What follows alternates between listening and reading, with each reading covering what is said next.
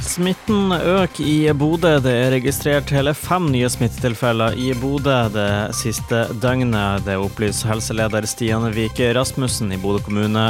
Fire av smittetilfellene er nærkontakter av tidligere smittede, ifølge helselederen. Det femte smittetilfellet er importsmitte. Det er en person som har kommet fra utlandet via Gardermoen og har testa seg, sier Rasmussen. Det er nå 14 personer i isolasjon og 55 nærkontakter i karantene i Bodø. Og mens smitten øker mye i Bodø, så økte den eh, minst like mye på landsbasis. Eh, det ble i natt til i dag slått en ny dyster norsk koronarekord. Aldri før har det blitt registrert større antall smitte på ett døgn, viser tall fra meldesystemet for smittsomme sykdommer. Det siste døgnet er det registrert hele 930 nye koronasmitte i Norge. Det er 399 flere enn døgnet før, og det høyeste antall smittede registrert på døgn siden viruset kom til landet.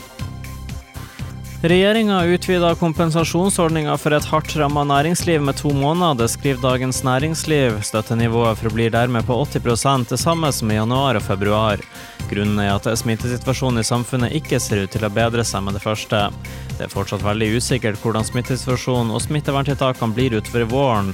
For å gi økt trygghet og forutsigbarhet for næringslivet forlenger vi kompensasjonsordninga for månedene mars og april, sier næringsminister Iselin Nybø i ei pressemelding. Og eh, Stormen avlyser alle arrangementer. Stormen konserthus avlyser alle arrangementer som var planlagt i Konserthuset på Sinus eh, frem til 18.1.